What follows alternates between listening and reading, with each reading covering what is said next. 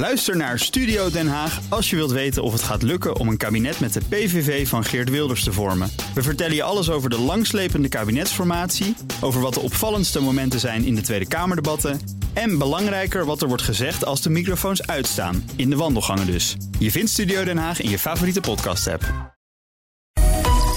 Economenpanel. De roep om versoepelingen klinkt steeds harder... en daarom onderzoeken economen alternatieve scenario's. Hoe kunnen we straks onze economie weer openen? En gaan de huizenprijzen dit jaar dan eindelijk dalen? Dat en meer bespreek ik in het economenpanel met Marike Blom... hoofdeconoom bij ING en Bas Jacobs... hoogleraar Economie en Overheidsfinanciën... aan de Erasmus School of Economics. Welkom, fijn dat jullie er zijn. Goedemiddag. In persoon. Heel goed om, uh, om jullie weer eens in levende lijven te mogen zien. We gaan het hebben over uh, de maatregelen... en uh, de maatregelen die vermoedelijk worden verlengd. De avondklok voor drie weken, maar middelbare scholen en uh, ROC's gaan deels weer open. En kappers mogen zich ook weer druk gaan maken over andere lokken dan de lockdown. Dat lijkt morgen de belangrijkste boodschap te worden van premier Rutte en minister De Jonge. Initiatiefnemers van Herstel NL gaat het niet ver genoeg. Zij willen eigenlijk de economie openen op 1 maart. Bas, ik wil bij jou beginnen, want jij hebt met Herstel NL te maken gehad, meegedacht. Uh, wat is op dit moment jouw betrokkenheid? Um, ik heb op de achtergrond meegedacht, maar uh, ik heb mij teruggetrokken uit Herstel NL. Want na die publiekscampagne die vorige week is gestart, wordt het toch wel heel erg een, actiegroep met uh, posters en uh, fondsenwerving en mediacampagnes. En daar voel ik me als onafhankelijk econoom niet gelukkig mee. Ik wil altijd onafhankelijk zijn, mijn eigen opvattingen kunnen debiteren. en niet verbonden zijn aan politieke uh, groeperingen of belangengroepen. En daarom heb ik me teruggetrokken. En ben je eruit gestapt omdat die actie jou niet aanstaat? Of omdat de punten die in die actie worden benoemd ook niet jouw punten zijn? Ik ben het op hoofdlijnen uh, natuurlijk sterk met Herstel NL eens. Want door risicogestuurd beleid kun je betere uitkomsten realiseren voor gezondheid, voor economie en samenleving. Ongeacht hoe hard je het virus de kop in wil drukken. En ongeacht of het aantal besmettingen nu toeneemt door het Britse virus. En ik wil, drie, of ik wil twee voorbeelden geven waarom waarom risicogestuurd beleid beter is dan uniform beleid. En het eerste voorbeeld is gewoon volkomen duidelijk voor iedereen. We doen risicogestuurd beleid met de vaccinaties. We geven de vaccins het allereerste aan de mensen die kwetsbaar zijn en onderliggend lijden hebben. Want dat zijn de mensen die zorgen voor de problemen in de ziekenhuizen. En het is volkomen rationeel en normaal dat we dat doen. En dat doen we dus ook. Dus daar voeren we risicogestuurd beleid uit. Maar wat we niet doen, is bijvoorbeeld bij de lockdowns. We sluiten de, onder, de onderwijsinstellingen. En dan sluiten we dus voor iedereen de toegang tot het onderwijs. Maar juist ook voor die groepen die het kleinste risico hebben om tot problemen te leiden voor de zorg, voor de samenleving. Die in contact staan met andere mensen die wel ja, een potentieel gevolg kunnen ja, maar, hebben. Maar er, is hier geen, er is hier geen mogelijkheid om nul risico te nemen met alle maatregelen. Ook de afstandsmaatregelen. Anderhalve meter afstand na, naleven. Daar hebben we natuurlijk ook geen absolute garanties dat dat niet uh, uh, uh, perfect wordt. We hebben geen garanties dat dat perfect wordt nagekomen. Je mag je punten afmaken hoor, maar ik zie ja. Marieke ook vragend kijken? Of je wil iets opmerken? Nee, nou, nou ja, kijk, ik denk dat het. Uh, er is genoeg over dat plan gezegd. Hè, in termen van gewoon praktische, praktisch realiseerbaar zijn of niet. En, en hè, het hele probleem dat als je uh, veel mensen alsnog het virus zouden krijgen die jonger zijn, dat je dan alsnog hè, druk op de zorg krijgt. En op zeker moment dan via die weg weer een mogelijke volgende lockdown. Maar wat ik wel denk, hè, wat Bas hier ook aansnijdt, is dat, we, dat, dat er met elkaar het gesprek moet komen over de vraag: van ja, kunnen we ook, zijn er ook andere afruilen te maken? Niet zozeer, hè, zeg maar, misschien is dit nog het te vroeg daarvoor. Want ik heb nog steeds stevige hoop dat we met die vaccins het virus eronder gaan krijgen. Maar die zekerheid hebben we niet. En daarom is deze discussie wel heel erg belangrijk. Want we moeten het met elkaar hebben over de vraag: wat als we niet het virus eronder krijgen met deze vaccins? En ik zou zeggen dat als we in die situatie terechtkomen, dat we dan in ieder geval over dit soort dingen moeten nadenken. Punt twee van de drie. Ja, nee, het voorbeeld van die scholen is... als we die scholen open willen doen... dan is dat ook een vorm van risicogestuurd beleid. Want we gaan dan lockdowns opheffen bij die groepen die het kleinste risico hebben om tot maatschappelijke problemen te leiden. Het is niet nul, maar het is het kleinst. Dus het gebeurt al, dat risicogestuurde beleid, eigenlijk op tijd en, van herstel. En, en uh, daarom zegt herstel terecht... Uh, je moet die scholen en denk ook de universiteiten direct open doen. Want de maatschappelijke kosten die lopen nu echt in de tientallen of misschien zelfs wel honderden miljarden structureel als je die scholen dicht houdt. En dus zijn de maatregelen extreem kostbaar. Je hebt relatief weinig gezondheidswinst. En er zijn hier geen geen absolute zekerheden. Maar ik denk dat je het veel beter kan doen als je dus gaat sturen. En dat is de centrale boodschap van Herstel Met risicogestuurd beleid kan je betere uitkomsten realiseren voor zorg, voor economie en samenleving. En probeer dan die mogelijkheden te onderzoeken.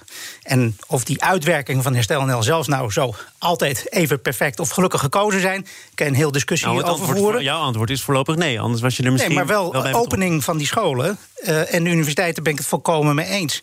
Uh, de. de uh, de mogelijkheden om mensen in staat te stellen om bijvoorbeeld zich te isoleren als ze geïnfecteerd zouden raken. Bijvoorbeeld uh, mensen een ziektewet te geven op het moment dat ze gevaarlijk werk doen, veel in contact staan met andere mensen en zelf een kwetsbare gezondheid hebben. Dat zijn maatregelen waarbij je uh, mensen die uh, kwetsbaar zijn, meer mogelijkheden geeft om niet het virus op te lopen. En ik vind niet dat je daar tegen kunt zijn op zich. Nee, die ziektewet is veel aangehaald als uh, belangrijk punt in het plan.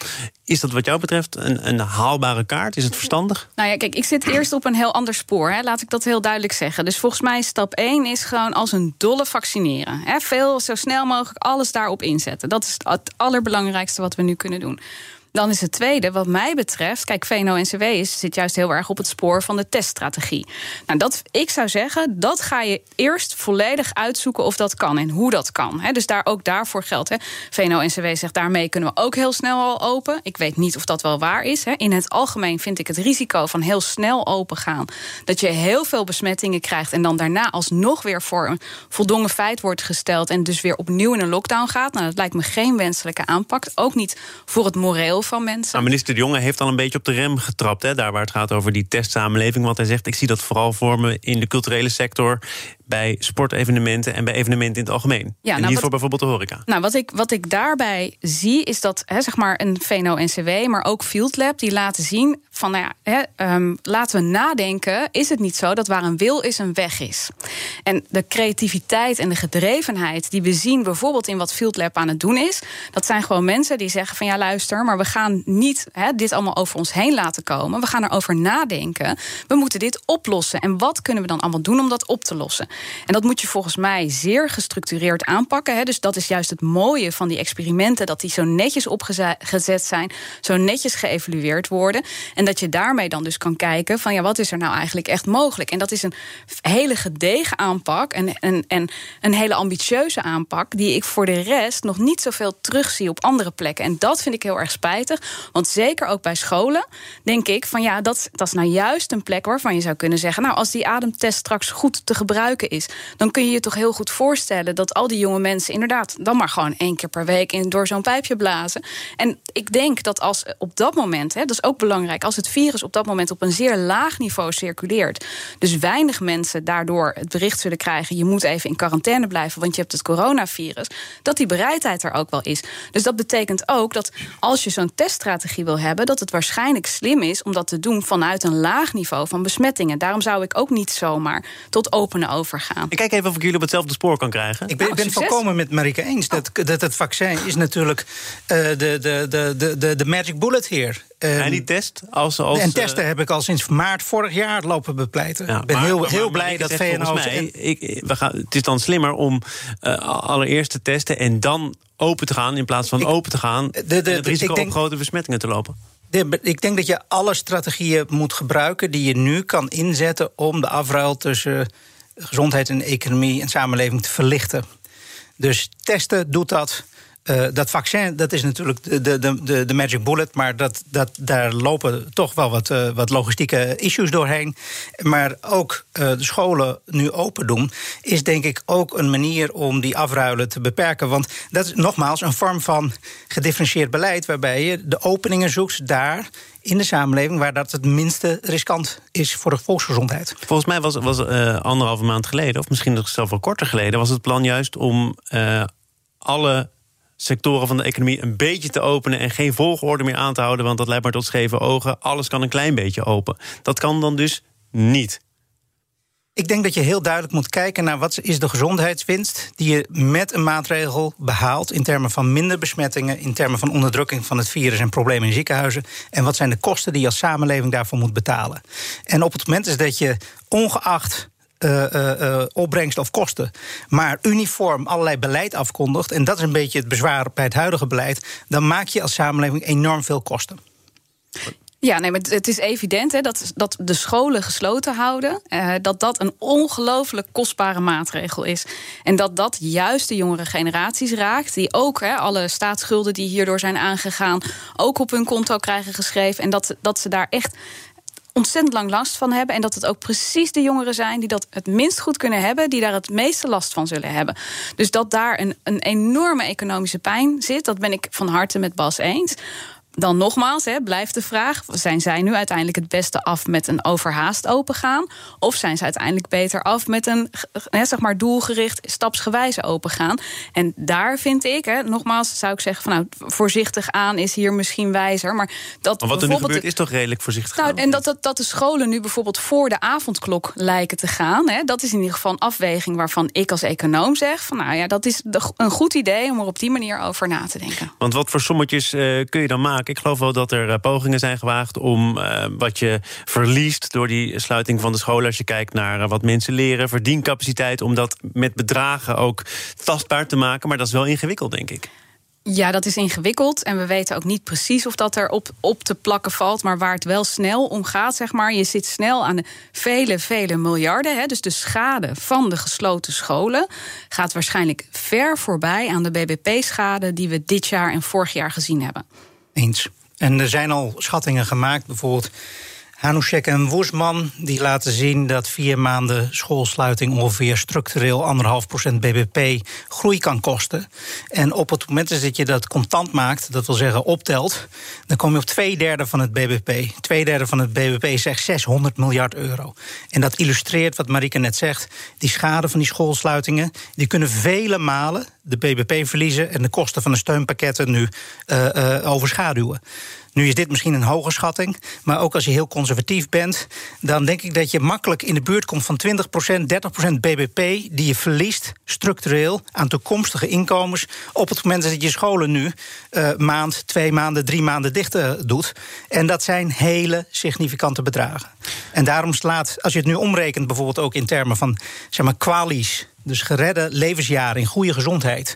Uh, uh, uh, wat je nu met die schoolsluitingen bereikt, dan betaal je misschien iets van 1 of 2 miljoen euro per gered levensjaar gezond, in gezond, goede gezondheid door de scholen te sluiten. Nou, dat zijn bedragen die ver uitgaan boven wat we normaal vinden voor bijvoorbeeld medicijnen. Daar betalen we 80.000 euro per kwalie. Dus als je die bedragen gaat bekijken en wat daar nu wordt berekend, dan uh, dan zijn die schoolversluitingen zo krankzinnig kostbaar dat ik denk dat we als samenleving een beleidsfout hebben gemaakt door de scholen dicht te doen. En ik denk dat het belangrijk is dat ze nu weer open gaan. En dan reken jij ook hogescholen en universiteiten mee, want die vallen nu nog buiten de discussie en ook buiten de gedeeltelijke heropening. Exact. En ook hier sluit ik me graag aan bij wat Marike zegt. Jongens, ik, ben, ik heb, zijn het volledig eens. Nee, maar de maatschappelijke discussie is zo verschrikkelijk gepolariseerd geraakt... dat, dat het soms lijkt alsof het fundamenteel allerlei oneenigheden hebben, maar dat, dat is niet zo. En uh, als het gaat over die hoger onderwijsinstellingen, schreef met Mirjam van Praag, collegevoorzitter van de VU, uh, oktober vorig jaar in het NRC een stuk, dat we ook de universiteiten moeten kunnen openen als er sneltesten beschikbaar zijn. Zodanig dat we met beperkte volksgezondheidsrisico's toch weer het onderwijs kunnen hervatten. Nou, daar wordt nu mee geëxperimenteerd, dat is mooi. Ik zou willen dat daar uh, vol gas wordt ge ge gezet, want ik denk dat de studenten maar ik denk ook de docenten, ik ben er zelf één van, na één jaar uh, lockdowns behoorlijk uitgewoond zijn. Marike, nog even algemeen tot slot. Er is natuurlijk terecht veel prioriteit voor de medische kant van de zaak. Maar je hebt de planbureaus gehad met hun eigen brief om ervoor te zorgen dat sociale elementen, economische kwesties ook een rol gaan spelen. Dat krijgt nu ook zijn weerklank in politiek Den Haag. Denk je dat je dat ook echt op korte termijn gaat terugzien in het beleid? Of dat als zometeen premier Rutte en Hugo de Jonge het land toespreken... dat ze toch zullen zeggen, ja, het draait om indammen, het draait om het virus... en alles wat daarbij komt kijken, komt er wel bij kijken, maar op plek 2 en 3.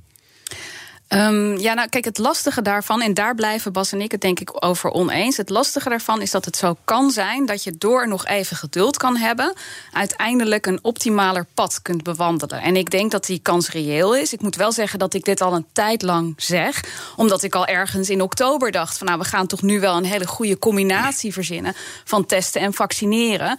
En het ziet er nu naar uit dat we nou met vaccineren wat achterlopen op wat we misschien wenselijk zouden vinden. En dat we qua teststrategie in ieder geval nog niet zo ver zijn dat dat er uitgewerkt ligt. Maar als dat er uitgewerkt ligt, dan kun je met een beetje geduld, denk ik, op een gunstiger pad terechtkomen. Dus dan kan het zo zijn dat zij daarmee beide belangen proberen te behartigen. Zaken doen gaan eh, naar een andere kwestie. Samen met het economenpanel Marieke Blom, hoofdeconoom bij ING... en Bas Jacobs, hoogleraar Economie en Overheidsfinanciën... aan de Erasmus School of Economics. Want uh, ja, ING heeft uh, voorspellingen naar buiten gebracht... over de ontwikkeling op de huizenmarkt. CBS heeft vandaag cijfers naar buiten gebracht over die huizenmarkt. Sky high. Ja. Wat zijn jullie eigen verwachtingen voor dit jaar?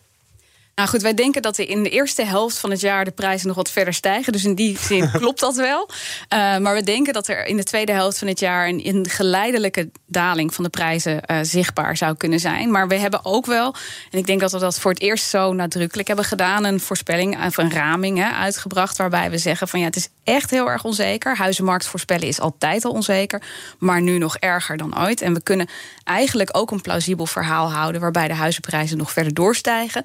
En een plausibel verhaal houden waarbij de huizenprijzen sterker gaan dalen. Want er zijn nogal wat variabelen die de prijs op de woningmarkt bepalen. En op de woningmarkt spelen speelt het vertrouwen een hele sterke rol. Dus op het moment dat iedereen er vertrouwen in heeft en dat de prijzen stijgen, nou, dan hebben mensen hè, willen snel een woning kopen, want die prijs die gaat verder stijgen. Die nemen veel overwaarde mee. Uh, beleggers willen dan graag instappen. Hè, die hoeven die woning misschien niet te hebben, maar die denken van nou ja, ik maak er een aardig rendement op. En dat kan allemaal die prijzen nog extra omhoog stuwen. Terwijl als de beweging de andere kant op eenmaal is ingezet, dan kan ook alles de verkeerde kant op bewegen. Ja, en, maar die andere kant, want jullie gaan er dus eigenlijk, als je alle plussen en minnen met elkaar in verband brengt toch nog vanuit dat ze gaan dalen. Waarom zouden ze dalen? Ja, nou, een belangrijke reden voor ons is het feit dat we zien dat de woningkrapte wat is afgenomen. En we denken dus uh, dat, dat komt omdat er minder uh, arbeidsmigranten en minder jongeren gebruik maken van de woningmarkt. Dus we zien eigenlijk afgelopen jaar dat de huishoudgroei veel lager is dan het aantal woningen wat beschikbaar is gekomen. En we zien ook dat er druk ontstaat op huurprijzen. Nou, dat heeft met name effect op beleggers natuurlijk, maar via beleggers natuurlijk ook wel weer op de woningprijzen. Dus dat is een belangrijke reden. Een andere potentiële reden is een stijging van de rente, wat natuurlijk ook direct effect heeft op de woningprijzen. Dat vinden we lastig te voorspellen, maar voor de marktrentes zeggen we in ieder geval dat we denken dat die wel wat kan gaan oplopen. Nou, dat heeft natuurlijk effect. En ten derde, we denken ook dat de arbeidsmarkt nog sterker geraakt zal worden, want veel bedrijven wachten nu nog af, hè, zijn nog bezig met reorganiseren. We verwachten dat er nog een faillissementsgolf en een golf aan bedrijfsbeëindigingen komt in de tweede helft van het jaar. Dat betekent ook minder mensen die ja, eigenlijk echt veel geld durven in te leggen op de woningmarkt. En wij denken dat die factoren dan overheersen. En dan vervolgens het vertrouwen ook weer minder wordt. En dat kan het nog wat versterken. Um, je haalde net de huurprijzen aan, Bas. Uh, er is al langer een discussie over hoe het toch komt dat die kloof zo ontzettend groot is en wat er moet gebeuren om ervoor te zorgen dat uh, nou ja, die lasten, de maandlasten, een beetje elkaar in de buurt komen. DNB zegt nu dat bijvoorbeeld de belastingvoordelen voor huiseigenaren moeten worden aangepakt. Bijvoorbeeld door een woning te zien als eh, vermogen. En dat vermogen kun je dan weer belasten. Is dat een goed plan? Uitstekend plan. Hier bestaat nagenoeg unanimiteit over onder economen. Uh, vorig jaar heb ik samen met Simon Knos een bundel gemaakt over belastinghervorming in Nederland. Uh, die komt overigens uit bij Oxford University Press. Dit is een Sylvester Eifinger opmerking. Is hij met, is hij met emeritaan? Heb je hem toch nog een klein beetje? En, ja? uh, en uh, er is nagenoeg uh, unanimiteit onder economen dat er. Um, dat het eigen huis net zo belast moet worden als andere vermogensbestanddelen in box 3. En als ik nu kijk naar de politieke partijprogramma's, dan is het buitengewoon teleurstellend wat je daarin aantreft. Uh, de meeste uh, partijen die willen misschien nog wel iets doen aan de, uh, zeg maar de partijen aan de linkerzijde nog iets doen aan de renteaftrek. Maar die gaan dat vervolgens teruggeven in de vorm van een lager eigen, woningforfait. En dat betekent dat je het vermogen in het eigen huis netto lichter gaat belasten. Uh, de vermogensopbouw. Uh, en rechtse partijen die willen het liefst niets meer doen. En het is nu zo dat vermogen is een belangrijk. vermogen in huis is een belangrijke vehikel voor uh, ongelijkheid. Is een, als je naar Piketty kijkt, is een belangrijk vehikel ook tussen, zeg maar, uh, voor de verschillen tussen, tussen generaties.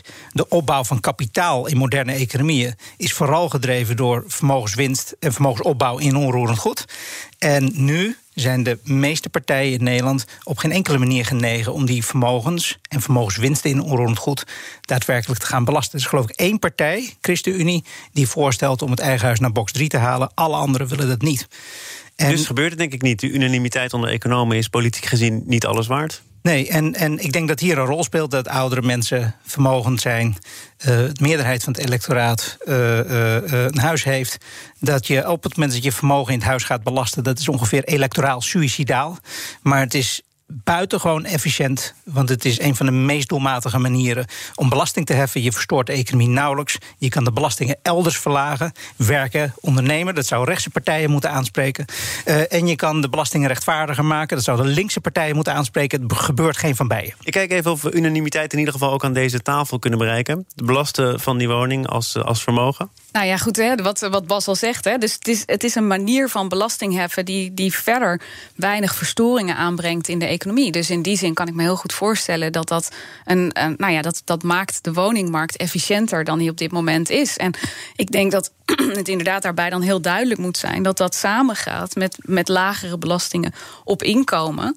Omdat je daarmee dan inderdaad de mensen die het raakt ook probeert te compenseren. Ja. Uh, iets anders is uh, nog altijd die ambitie om een miljoen woningen te gaan bouwen. Ja hoor, een miljoen. Ja, nee, ja, ik, ik, ik, ik verwissel soms oude en nieuwe plannen. Want het mhm. oude plan was volgens mij ook al een miljoen. En nu is er een alliantie die zegt, ja, we moeten er echt werk van gaan maken. Heeft dat dan veel kans van slagen? Uh, nou ja, goed. Wat, wat denk ik een belangrijke rem is geweest in de afgelopen jaren, is de vergunningverlening. We hebben natuurlijk met elkaar uh, ja, we, er zijn worden waardes tegen elkaar afgeruild hierbij. Hè. Ik bedoel, op het moment dat je heel veel gaat bouwen, ja, dan moet je waarschijnlijk ruimte opgeven. Dat kan voor een deel ook groene ruimte zijn, dat kan voor een deel ook hè, natuureffecten hebben. Uh, en daar is in de afgelopen jaren, en hè, zeg maar vaak ook omwonenden zijn er natuurlijk niet enthousiast over. Hè, dus gemeenten zijn soms ook wat aarzelend. Volgens mij kopte de Volkskrant meer bouwen, minder inspraak. Gaat het daar dan op neerkomen? Nou ja, kijk, dat, hè, dat is dus het punt hier. Hè. Deze groep, uh, deze alliantie zegt van wij vinden dat een betere afruil. En dat is voor de woningmarkt. Hè, dus als je puur kijkt naar kunnen mensen wonen, voor hoeveel geld kunnen mensen wonen, dan is dat inderdaad gunstiger. En het is een politieke afruil. ik persoonlijk ben het wel eens met die afruil. Maar ik snap wel waarom het in het verleden niet zo gegaan is. Want ja, dat is, heeft en nadelen voor de natuur en nadelen voor de direct omwonenden. Die zijn er vaak niet erg enthousiast over. Want het is de woning, voor je gevoel is niet je eigen woning die daar gebouwd wordt, maar het is de woning voor iemand anders. Hoe oordeel jij over deze afruil? Nou, ik ben het met Marika ook weer eens. Het wordt eentonig dat er eh, enorme aanbodrestricties zijn. Dus regulering, wetgeving, uh, vergunningen en dat soort dingen. Waardoor het aanbod van huizen, zo heet het in economenjargon, inelastisch is. En dat betekent dat als de huizenprijzen stijgen, dat er heel moeilijk minder huizen bijkomen. Ik denk dat er ook een probleem zit in de woningmarkt, uh, sorry, de huurmarkt. Daar hebben we de prijzen vastgezet. En dat probleem maken we bijvoorbeeld deze maand weer groter met het bevriezen van de huren. De huurmarkt functioneert voor geen meter, want de huuropbrengst is gemaximeerd door de maximale huur, terwijl de bouwkosten veelal groter zijn dan de huuropbrengst. En liberalen zullen dan zeggen: ja, je moet die prijs laten meestijgen, zodat de, de, de huuropbrengst groter wordt dan, het kosten, dan de kostprijs van een woning. Krijg je vanzelf meer aanbod als er meer vraag is. Nu heb je wachtlijsten. Ik denk dat sociaaldemocraten of socialen moeten zeggen: we moeten de kosten van nieuwe woningen subsidiëren, zodanig dat de, wat dan in jargon de, de, de onrendabele top heet, zodat die wordt weggenomen. Je kunt gewoon in je eentje voor alle partijen campagne voeren, Bas. Ja, maar, maar, maar het, het, het, het, het, het, soms is het, het, het, het ja, toch wel teleurstellende dat die huurmarkt daar weten we als econoom best wel goed waarom het niet werkt. Want je zet de prijzen vast en daarmee het aanbod. En dus krijg je wachtlijsten. En er zijn eigenlijk maar twee smaken om dit op te lossen. Of je laat de prijzen los, zeg maar de rechtse variant. Of je gaat het bouwen van huizen weer subsidiëren. Zoals voor de wet van Heerma, de bruteringsoperatie, het geval was. Maar zolang je dat niet doet blijven met een probleem zitten in de sociale huur, waardoor het aanbod nooit kan reageren op de vraag. We hebben dus allerlei aanbodbeperkingen in de koopmarkt. We hebben allerlei aanbodbeperkingen in de huurmarkt. En dan vinden we het ieder jaar weer gek dat er te weinig huizen zijn. En dan komen we ieder jaar met plannen. Er moeten zoveel miljoen of zoveel honderdduizend huizen bijgebouwd worden, terwijl we de onderliggende problemen niet oplossen. Laatste woord van Marieke. Ja, nou, ja, ik denk dat het goed is dat er een plan opgemaakt wordt. Dus ik, uh, ik wil Bas wat dat betreft uh, bijvallen. En vaak wordt er dan gezegd van ja, de woningmarkt is nu lang genoeg aan de markt overgelaten. Maar dat is natuurlijk gekkigheid, hè? want de woningmarkt is, is totaal niet aan de markt overgelaten. Het is gewoon een super gereguleerde markt. En daar zullen heilige huisjes moeten sneuvelen om daar een verandering in te maken. Marieke Blom, hoofdeconoom van ING en Bas Jacobs, hoogleraar Economie en Overheidsfinanciën aan de Erasmus School of Economics eensgezind. Maar het was een panel dat er zeker toe deed. Dank voor jullie aanwezigheid. Graag gedaan. Meteen dan praat ik over ondernemen in slechte tijden. Oftewel, zwaar weer ondernemen. Ook Hugo Reitsma vind je in de BNR-app. Superhandig die BNR-app. Je kunt alle programma's live luisteren, breaking nieuwsmeldingen. Je blijft op de hoogte van het laatste zakelijke nieuws. En je vindt er alle BNR-podcasts, waaronder natuurlijk de belangrijkste, Boeken zijn in de wijk. Download nu de gratis BNR-app en blijf scherp.